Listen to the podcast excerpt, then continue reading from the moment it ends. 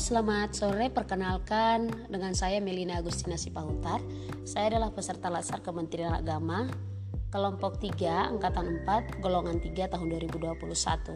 Pada kesempatan kali ini saya akan mencoba memaparkan kembali modul agenda 3 yang telah disampaikan oleh Widya Suara kami yang luar biasa yang merupakan tutor kami, mentor kami yang memberikan materi-materi dalam pelatihan latsar online yang telah ter terselenggara hingga pada saat ini yaitu Bapak Raman Syaritonga SE AKMAP. Nah, pada kesempatan kali ini dalam agenda 3 kita akan membahas tiga materi yang utama yaitu meliputi yang pertama manajemen ASN, yang kedua kita masuk ke dalam materi WOG dan yang terakhir adalah uh, pelayanan publik. Pada kesempatan kali ini saya akan coba bahas satu persatu secara singkat dimulai dengan materi manajemen PNS atau ASN. Nah, dalam agenda pembelajaran ini perlu para peserta dibekali pengetahuan tentang kedudukan dan peran PNS untuk menjalankan fungsi sebagai pelaksana kebijakan publik, pelayan publik, serta perkat dan pemersatu bangsa sehingga mampu mengelola tantangan dan masalah keragaman sosial kultural dengan menggunakan perspektif world of government dalam mendukung pelaksanaan tugas jabatan. Nah, langsung saja kita masuk ke uh, modul yang pertama, materi yang pertama yaitu tentang manajemen ASN. Manajemen ASN yang ter tertuang dalam Undang-Undang ASN pasal 55 sampai dengan 92 ada beberapa hal yang uh, menjadi materi di dalamnya termasuk dalam penyusunan penetapan kebutuhan pengadaan pangkat dan jabatan pengembangan karir pola karir promosi dan mutasi penilaian kinerja penggajian dan tunjangan penghargaan disiplin dan pemberhentian jaminan pensiunan dan jaminan hari tua serta perlindungan Nah, ini kita bisa lihat tertulis dalam Peraturan Pemerintah Nomor 11 Tahun 2017 Junto Peraturan Pemerintah Nomor 17 Tahun 2020. Apa saja yang menentukan peran, hak dan kewajiban dan kode etik ASN yang dimuat dalam manajemen ASN. Pegawai ASN memiliki uh, kedudukan sebagai unsur aparatur negara yang menjalankan kebijakan yang ditetapkan oleh pimpinan instansi pemerintah serta harus bebas dari pengaruh dan intervensi semua golongan dan partai politik. Peran ASN meliputi perencana, pelaksana dan pengawas penyelenggaraan tugas umum pemerintah dan pelayanan publik yang profesional, bebas dari intervensi politik serta bebas dari praktik korupsi, kolusi dan nepotisme.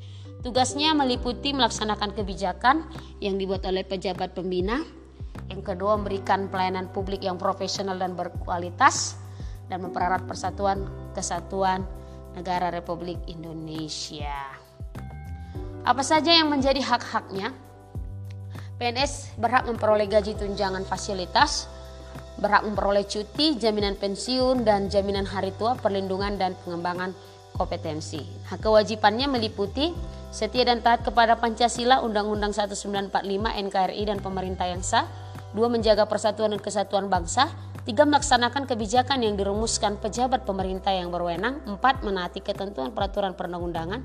Melaksanakan tugas kedinasan dengan penuh pengabdian, kejujuran, kesadaran, dan tanggung jawab. Menunjukkan integritas dalam sikap, perilaku, ucapan, dan tindakan kepada setiap orang, baik di dalam maupun di luar kedinasan menyimpan rahasia jabatan dan hanya dapat mengemukakan rahasia jabatan sesuai dengan ketentuan peraturan perundang-undangan dan bersedia ditempatkan di seluruh wilayah negara kesatuan Republik Indonesia. Nah, materi yang kedua yaitu WOG, Wall of Government, meliputi hal yang pertama penerapan dalam pelayanan yang terintegrasi, uh, best practice, implementasi dalam perspektif kebijakan ERI dan konsep WOG. Apa itu Wall of Government? Menurut laporan APSC, Wall of Government adalah agen layanan publik bekerja lintas batas untuk mencapai tujuan bersama dan sebagai respon terpadu pemerintah terhadap isu-isu tertentu. Nah, hal ini berangkat dari fungsi ASN menjadi konsep WEG dan tercapailah tujuan pemerintah. Jadi dalam fungsinya ASN bekerja sebagai pelaksana pelayan publik dan perekat pemersatu bangsa dan diteruskan dalam konsep WOG pelaksana kebijakan publik pelayan publik perekat persatu bangsa menuju konsep will of government dalam hal ini tujuan pemerintah dapat dicapai dalam mewujudkan melalui konsep ini dan pada isu-isu penting pemerintah. Mengapa perlu wall of government? Hal ini didasari dengan faktor-faktor ego sektoral perkembangan teknologi dan informasi, dorongan publik untuk kinerja good governance, keberagaman latar belakang nilai budaya dan adat istiadat. Bagaimana cara melakukannya? Respon pemerintah terintegrasi menghilangkan sekat sektoral, kerjasama antar instansi pemerintah, kolaborasi, koordinasi, dan sinergisitas. Nah, yang terakhir adalah pelayanan publik. Pelayanan publik dalam Undang-Undang Nomor 25 Tahun 2019 merupakan dasar dalam penyelenggaraan pelayanan publik.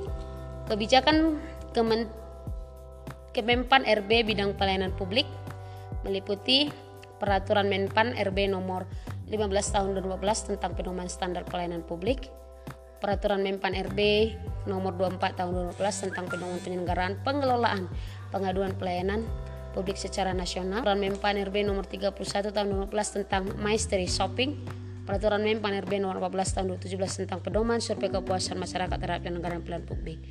Pelayanan publik adalah kegiatan atau rangkaian kegiatan dalam rangka pemenuhan kebutuhan pelayanan sesuai dengan peraturan perundang-undangan bagi setiap warga negara dan penduduk atas barang, jasa atau pelayanan administratif yang disediakan oleh penyelenggara pelayan publik. Nah, dalam pelayanan publik yang termuat dalam Undang-Undang Nomor 25 Tahun 2019 tentang Pelayanan Publik mengatur hak, kewajiban dan larangan, mengatur partisipasi dan pemberdayaan masyarakat dan kewajiban pokok penyelenggara atau pemerintah. Nah, hakikat pelayanan publik melayani masyarakat baik sebagai kewajiban maupun sebagai kehormatan merupakan dasar bagi terbentuknya masyarakat yang manusiawi. Klarifikasi pelayanan publik meliputi pelayanan administrasi, atau administratif, pelayanan yang menghasilkan berbagai bentuk dokumen resmi yang dibutuhkan oleh publik, pelayanan barang, pelayanan yang menghasilkan berbagai jenis bentuk barang yang digunakan oleh publik, pelayanan jasa, pelayanan yang menghasilkan berbagai jasa yang dibutuhkan oleh publik, dan yang terakhir adalah pelayanan regulatif, yaitu pelayanan melalui penegakan hukum dan peraturan perundang-undangan. Prinsip-prinsip pelayanan publik meliputi kesederhanaan, kejelasan, kepastian waktu, akurasi, tanggung jawab, keamanan, kelengkapan sarana dan prasarana, kemudahan akses, kedisiplinan, kesopanan, keramahan, dan kenyamanan. Nah, prinsip-prinsip pengembangan profesionalisme dalam pelayanan publik meliputi mengembangkan modernisasi, kualitas, efisiensi, dan kepekaan, pendekatan yang pragmatis dan bukan dogmatis, dan beberapa hal lainnya yang boleh dicapai melalui pelayanan-pelayanan yang tertuang dalam prinsip-prinsip pengembangan profesionalisme pelayanan publik. Inilah yang menjadi kebutuhan dan yang menjadi tanggung jawab pasien untuk memberikan pelayanan yang terbaik. Nah, itulah yang boleh saya saya sampaikan dalam tiga materi utama dalam agenda tiga yang senantiasa boleh memberikan kita pemahaman yang lebih dalam lagi tentang tanggung jawab kita sebagai ASN, sebagai penyelenggara, eh, pelaku kebijakan dan eh, pelayan publik dan yang terakhir adalah pemerekat dan pemersatu bangsa. Terima kasih. Bye bye. Kelompok 3 angkatan 4